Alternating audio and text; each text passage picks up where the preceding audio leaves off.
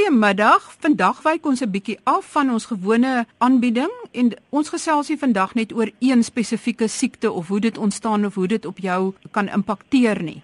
Maar ons gesels oor verskeie siektes en veral oor leefstylkeuses en hoe dit 'n invloed kan hê nie net op jou gesondheid nie, maar veral op jou sak. 'n Onlangse verslag van die Raad op Geesteswetenskaplike Navorsing, die RGN, het getoon dat Suid-Afrika eintlik op die rand van 'n nasionale gesondheidsramp staan omdat sekere siektes, veral die wat met leefstyl te doen het, vreeslik vinnig aan die toeneem is. Ek gesels ver oggend met professor Jacques Snyman. Hy is mediese adviseur vir Resolution Health Mediese Skema en direkteur van produkontwikkeling van Agility Global Health Solutions. Dr Snyman, wat was die belangrikste bevindinge van hierdie opname wat deur die RGN gedoen is? Ek dink die mees uitstaande bevinding in daai RGN opsomming was dat leefstylsiektes neem toe en dit gaan hand aan hand met keuses wat pasiënte maak, soos 'n geweldige toename in obesiteit, soveel sodat veral obesiteit onder vrouens in Suid-Afrika dramaties toegeneem en dat die meerderheid van vrouens nie net oormassa is nie, maar wat geneig na dat hulle sê vetsugtig is. Dit hang af nou van jou verhouding tussen jou lengte en jou massa. So dit dui eintlik op hierdie hele epidemie. Sjoe, en daarmee gepaardgaande is daar sekerlik dan ander siektes wat in die verslag dan uitgekom het soos diabetes, hoë bloeddruk, cholesterol op 'n vroeë ouderdom wat ook dan verband kan hou met hierdie obesiteit. Korrek. So met ander woorde, enige leefstylkeuse het te doen met voedselinname, energieinname, energieverbruik en dan ook met 'n sedentêre of 'n 'n niks doen leefstyl. En die hele Suid-Afrika het na 94, kom ons sê, verander en, en ons besig met 'n grootskaalse verstedeliking en net werke verander van 'n meer arbeidshand arbeid intensiewe werk na 'n meer sittende werk kantore uh, ensovoorts en het dit dan 'n impak gehad op die leefstyl van die pasiënt. Kom ons sê die die siekteprofiel van die pasiënt van die energieverbruik en daai mens het afgeneem terwyl die energieinname het waarskynlik konstant gebly of die toegang tot energie het soveel toegeneem uh, dat ons dan meer inneem as wat ons verbruik of wat ons nodig het om te verbruik. En dit lei dan duidelik dan tot siektes soos duidelik gesê kardiovaskulêr wat dan hoë bloeddruk insluit, uh, endokrien wat diabetes insluit en dan ook al die siektes wat daarmee verband hou. So hierdie is maar kom ons sê net sneller daartoe. Met ander woorde Suid-Afrika is nou besig om eintlik amper Amerika en selfs Brittanje verby te steek met die lande wat die hoogste persentasie vetsugtige mense het. Korrek. Die probleem is ook daar dat die groot gedeelte van die Suid-Afrikaanse bevolking het baie meer gemaklik toegang tot hoë energievoedsels gekry wat in die verlede nie so was nie, meer bekostigbaar geword, meer uh, inkomste gebaseer en daarom het ons kom ons sê amper ontploffing van die, hierdie epidemie sonder die bewusmaking van die korrekte lewenstylkeuses wat daarmee gepaard behoort te gaan. So dit was nie 'n stadige ontwikkeling soos in van die ander lande nie, dis skielike blootstelling wat dan so vinnig hierdie probleme op die tafel geplaas het. Soveel sodat as ons na ons uh, tipiese tradisionele hospitaal opnames vir miokardiale infarksie hartaanvalle gaan kyk, dit het ongelooflik toegeneem in ons tradisioneel swart bevolking terwyl dit in die vroeë 80e jare baie selde voorgekom het in hierdie pasiënte en suiwer oor die pasiënt profiel verander het, die keuseprofiele het begin verander. So die tipiese westerse lewenstyl het met ander woorde tipiese westerse siektes saamgebring. Dit is 'n groot jammerte. Dit blyk ook dat hierdie swak leefstylkeuses dan impakteer op mense mediese fondsbydraes. Hoe werk dit? ek dink om 'n direkte korrelasie te maak tussen die leefstylkeuses en, en die bydrae tot siekefondse is waarskynlik nie noodwendig as alleen oorsaak nie, maar dis 'n kombinasie daarvan. Die wet het verander oor hoe mense aan mediese skemas kan behoort, met ander woorde dat daar nie onderskrywing kan wees vir sekere toestande nie, met 'n sekere toestande mag ook nie belaai nie. En dit het op die ou end daartoe gelei dat enige iemand met enige risiko dieselfde premie betaal as wat 'n gesonde pasiënt hoef te betaal. Die gevolg was dat meer gesonde mense besluit nou hulle gaan wag totdat hulle siek is voordat hulle in 'n siekefonds of 'n mediese skema behoort terwyl die siekes met ander woorde nou konsentreer binne in 'n mediese fonds omgewing. En ons kan dit sien, die aantal pensionaarsse neem toe, die aantal hoë risiko pasiënte neem toe, die aantal pasiënte met 'n lewenstyl siekte. En uh, net na een siekefonds te kyk, byvoorbeeld sien ons dat die kroniese siekte toestande neem met 20% per jaar toe. Nou is dit dat die populasie van siek mense wat bestuur word groter word Ja, dit word, maar die gesonde mense kies ook om nie verseker te word gaan van die skemas af. Die sieker pasiënte bly op en die sieker pasiënte word dan ook meer en het ook 'n geneigtheid om meer van hierdie lewenstyl siektes te akkumuleer. Met ander woorde, hulle kry meer as een van hierdie tipe siektes, harttoestand plus 'n longtoestand plus 'n diabetiese toestand en dis jou hoë risiko pasiënte en hulle is uiteraard ook duurder om te behandel.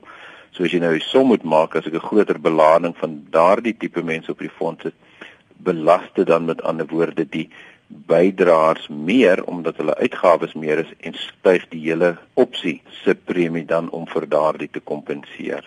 Wat is die oplossing? Want daar's verskillende oplossings aan die hand van die oplossings wat al jare op die tafel is is dat daar 'n verpligte op enige mens wat 'n werk het moet bestaan om aan 'n mediese fonds of 'n siekefonds te behoort of 'n mediese skema uh, soos dit nou bekend staan te behoort want dit verdeel dan die subsidielas en dit beteken dat almal 'n kleiner bydrae betaal want daar's groter kruissubsidiering met ander woorde as daar nie konsentrasie is van siek pasiënte nie en daar's 'n beter verdeling van nie siek en siek kry jy groter kruissubsidie en daarom word die premie dan vir almal laer. Daar word gereken dat omtrent net die helfte van die mense wat enigstens 'n siekefonds kan bekostig egter 'n mediese skema aanbehoort beteken ons tans waar ons sê 8 miljoen in 'n mediese skema behoort, kan dit maklik 16 tot 20 miljoen wees en dat daai 8 tot 10 miljoen wat verkies om nie 'n mediese skema te behoort nie, doen dit uit keuse omdat hulle eh, die geld anders wil aanwend, voel hulle is nie siek nie en omdat daar nie 'n onderskrywing belasting is op jou onderskrywing van die siekefonds af nie, beteken dit jy kan enige tyd aansluit en die maksimum wagtydperk is maar 'n jaar. So daar's geen stok om jou te dwing om aan 'n mediese skema te behoort nie. So dit maak die hele situasie dan onuithoubaar.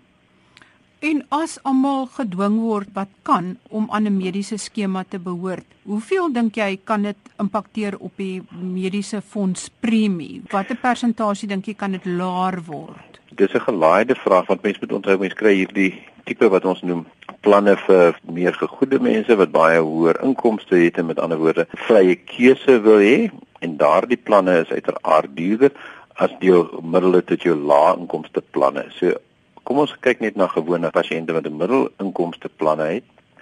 Daardie pasiënte het voordele soos wat ons noem die voorgeskrewe minimum voordele van die raad op mediese skemas en hulle dan byvoorbeeld oog oogheelkunde voordele, brille, tandheelkundige voordele en en hier en daar kom ons sê amper 'n keuse voordeel. Maar meesal gaan dit oor dat jy die minimum pakket voordele het met tandheelkundige en oogheelkundige behandeling daarbey. So pakket se bydrae kan waarskynlik met tot 30% val as 'n groter groep pasiënte dan wetlik verplig word om daaraan deel te neem. En dan val die premie duidelik onder R1000 'n maand. Ons is vandag besig met 'n baie teer saakie en dit is oor leefstylkeuses en jou mediese fonds bydraes, maar vir al die mediese fonds bydraes wat baie mense se sakke raak en wat in baie gevalle byna onbekostig duur geraak het. Hoe sal hierdie situasie in die langtermyn kan uitspeel met mediese fondse in die lig van die nasionale gesondheidsversekeringsstelsel? Reken u daar sal nog mediese fondse wees en hoe reken u sal die situasie in die toekoms lyk en waarvoor moet mense op die oomblik beplan? Ek dink daardie riglyne is nog nie 100% duidelik in enige van die regering se direktiewe nie. Ons kan maar net gaan kyk wat buite ons grense gebeur in lande met sogenaamde universele dekking het vir pasiënte is mediese skemas nog steeds daar want hulle eh, gewoonlik daardie addisionele dekking vir meer keuse prosedures wat dan plaasvind. So daar is dekking hoe dit saam gaan speel en watter gedeelte die regering gaan betaal en watter gedeelte oorgelaat word vir 'n mediese skema om te betaal is nie 100% duidelikheid nie. Maar ek dink een ding wat ons oorduidelik is is dat mediese skemas sal voortbestaan waarskynlik nie in die huidige vorm van dekking nie, maar in 'n uh, ander vorm van dekking wat op die oomblik nou nog nie duidelik uitgespel is nie. Hoe mense moet beplan vorentoe is daar's twee dinge. Mens moet seker maak dat jy ordentlike mediese versekerings het uh mediese skema aanbehoort en mens kies die plan om by jou behoeftes te pas. En ongelukkig kies pasiënte gewoonlik met die meeste komorbiditeite met die meeste siektes, word die goedkoopste planne waar die keuses die minste raak en dan het hulle gewoonlik 'n probleem om die befondsing te kry soos wat hulle volgens keuse dit wou gehad het. So die aanbeveling sou wees mense met reeds gevestigde leefstylsiektes om maar 'n bietjie duurder plan te maak, seker dat hulle die korrekte keuses kan uitoefen op daai plan en die toegang dan tot vir alle algemene praktisyn makliker is. Die pasiënt kan dan ook uiteraard van die saak klinies aandag gee of aandag gee aan van hierdie siekte toestande net deur gereelde oefening verlaag jou bloeddruk dieselfde as wat 'n geneesmiddel dit verlaag. Met ander woorde, as jy 4 keer in 'n week vir bietjie meer as 'n halfuur lank 'n bietjie kardiovaskulêre oefening doen, het jy dieselfde effek op bloeddrukverlaging as wat 'n geneesmiddel op bloeddrukverlaging het beteken dit dat as jy 'n hoë bloeddruk probleem het, kan jy baie nader aan jou teiken bloeddrukwaarde kom deur nou ook te begin met gereelde oefening. En hierdie beteken nie dat mens met almal maratonhardlopers word nie. Dit beteken suiwer dat jy sistematies 4 keer op 'n week gereelde oefening moet doen en daardeur word jou bloeddruk verlaag selfs met obesiteit, gewigsverlies. Daar's 'n korrelasie tussen gewigsverlies en 'n afname in bloeddruk soos wat gewigsverlies toeneem, so neem bloeddruk af. So as mens gaan kyk na bloeddruk wat 'n risikofaktor is, het ons nou net twee goedjies genoem wat eintlik binne almal se bereik is om bloeddruk te beheer. As jy bloeddruk beheer het, het jy afname in beroerte, het jy afname in hartversaking. As jy vetsug beheer, het jy afname in diabetes. Diabetes by ouens lei tot vervetting van bloedvate wat lei tot hartaanvalle wat lei tot nierversaking wat lei tot blindheid. So ek, ek dink mense verstaan nie die belangrikheid dikwels van 'n normale of so naby normale uh, gewig as moontlik nie. En ek weet vir sommige mense is dit waarskynlik amper onmoontlik om uh, die ideale liggaamsmassa te bereik, maar selfs 'n 2 kg vermindering in massa het al klare groot verbetering in risiko vir daai spesifieke pasiënt. So enige gewigafname is al klaar positief. En dan kom nog dat mens kyk dat jy nie te veel sout inneem nie en dat jy nie rook nie. Kom ook dan nog daarby sekerlik. Verseker, ek dink soutinname gaan eintlik gepaard met die geprosesseerde kosse wat ons eet. Oorgeprosesseerde kos het 'n hoër soutinname en dit word dikwels onwetend ingeneem. So die die duimreël is gewoonlik om maar sout op jou kos te gooi nadat dit gekook is, soos wat jy dit daarmee saamkook en die rede is dit proe souter en dan is mens geneig om 'n laer hoeveelheid sout in te neem. Eh, maar geprosesseerde kosse het dikwels uh, geprosesseerde vleise ensovoorts het hoë soutkomponent en daarom is die inname dan van sout soveel meer. En uit die aard van saak, mens kan kyk 90% van mense met eh, kroniese obstruktiewe lugweegsiekte het dit direk toeskryfbaar aan rook. As jy 90% van daai siektes kan voorkom, dan het dit 'n enorme impak op jou eie siekteprofiel, maar ook op die koste profiel van jou mediese skema. Ja, mens besef nie altyd daardie impak wat dit het nie. Ek wil net weer terugkom na die bekostigbaarheid van mediese fondse. Die Raad op Mededinging is nou gelas om 'n ondersoek te doen na die hoë koste van of sogenaamde hoë koste van private gesondheidsorg.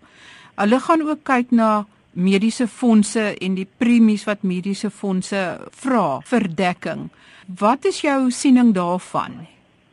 Ek dink die ondersoek is goed want daar's verskillende vingerwysings tans die mediese fondse wys die vingers na die spesialiste en die hospitale en die ander diensverskaffers. Die diensverskaffers wys weer die vinger na die mediese skemas en sê julle onderbetaal en julle sorg nie goed vir die pasiënte nie en dat dit eintlik die administratiewe kostes is wat opgeskryf word ensovoorts. So ek dink so 'n ondersoek is goed. As mens egter gaan kyk na die raad op mediese skemas, dis duidelik daar dat die administratiewe kostes as 'n persentasie baie goed gereguleer word en daar word seker gemaak dat daar met ander woorde nie onnodig betaal word vir dienste binne in die omgewing waar jy gewerk met gepoelde pasiëntgeld nie. En dan as ons gaan kyk na ons diensverskaffers, ons in Suid-Afrika het 'n omgewing waar daar 'n 'n fooi vir diens vir tyd betaal word. En dit is waarskynlik die duurste meganisme om mediese dienste te koop. En dit is toeskryfbaar in die regulasies van die Raad op Gesondheidsprofessies wat met ander woorde 'n verhouding tussen 'n hospitaal en 'n dokter en 'n dokter en 'n apteker en 'n dokter en 'n ander dokter reguleer. En dit verbied byvoorbeeld dat hospitale dokters in diens kan neem of dokters met minder of nie soortgelyke kwalifikasies nie. En daai tipe grense jaag dan ook kostes op omdat ons dan met ander woorde tyd koop en nie op ekonomie van skaal kan gebruik soos ander lande.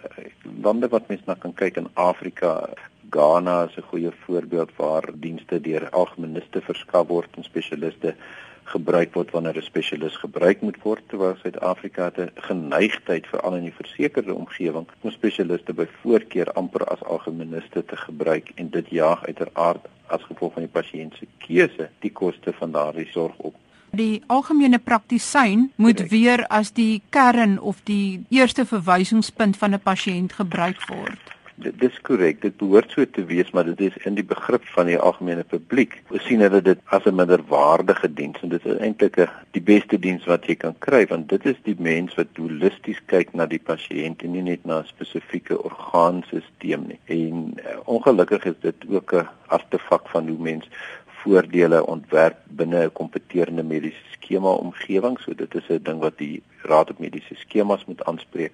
'n Voorbeeld is in Suid-Afrika is die keisersnit eh, verhouding omtrent 74% tot normale vaginale geboorte. Nou dis in die versekerde populasie die hoogste. In die staat is dit so van 12%. Amerika algemeen hardloop so op 28%. Hulle het 'n spesiale kommissie van ondersoek in Boston ingestel net omdat dit 34%. Dit gee vir jou maar net 'n idee van die wanverhoudings en die vraag na sekere spesialistdienste wat bestaan in Suid-Afrika wat onrealisties hoog is. So dis nie net mens kan nie net sê dis net die skema of net die diensverskaffer nie, dis ook die pasiënt se keuse wat sy eie koste beïnvloed.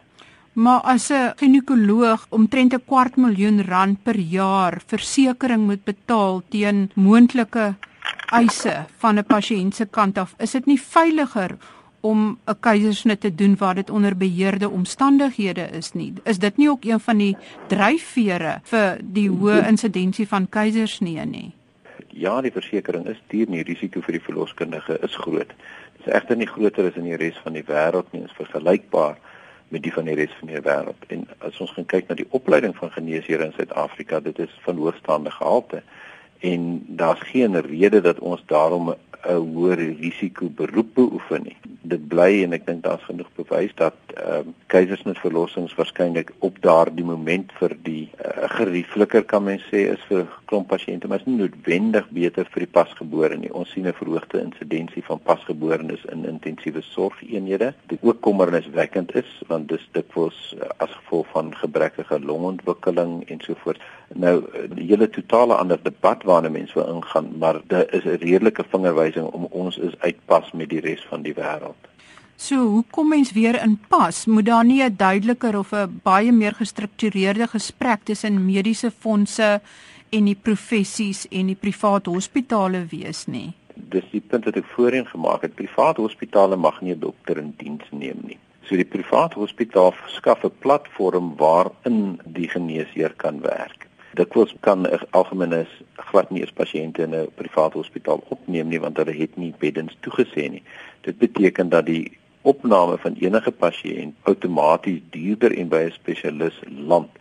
Dit is uiteraard vir alle probleme in die groter stede. As ons nou weer teruggaan na die keisersnit insidensie, hierdie is ook 'n aanvraag. Met ander woorde, dit is die keuse van verlossing van die pasiënt. So daar is nie 'n vinnige manier om hierdie situasie te beredder nie. Dit sou moet gaan aan opleiding van die pasiënt, die aanvraag van die pasiënt en dan ook soos u gesê het gesprekke tussen die sê obstetrie en ginekologiese vereniging en die befondsers om dit meer reg te trek. Nou as ons gaan kyk na verskillende hospitale, hospitale in minder gegoede areas, is die verhouding van keisers tot normale vaginale verlossings baie naby aan die Amerikaanse en dit is by 32-34%. In die meer gegoede gedeeltes van uh, Suid-Afrika gaan dit tot so hoog as amper 90%. So dit is duidelik dat dit nie noodwendig suiwer gedryf word deur die praktisyn nie, maar ook deur aanvraag van die pasiënt wat hulle beskou as wat vir hulle gemaklik, gerieflik en aanvaarbaar sal wees. So die slotsom is die keisersnee is nou maar een voorbeeld van Correct, van wat ja. gebeur, maar dat die pasiënt eintlik ook moet aandag gee aan wat hy dink sy regte keuses is en Correct. en sy regte lewenstyl en sy aandrang op spesialis sorg dat hy eintlik eers na sy algemene praktisyn toe moet gaan wat hom beter ken en 'n omvattende diens kan lewer en hom dan die praktisyn kan hom dan verwys na die regte spesialis toe.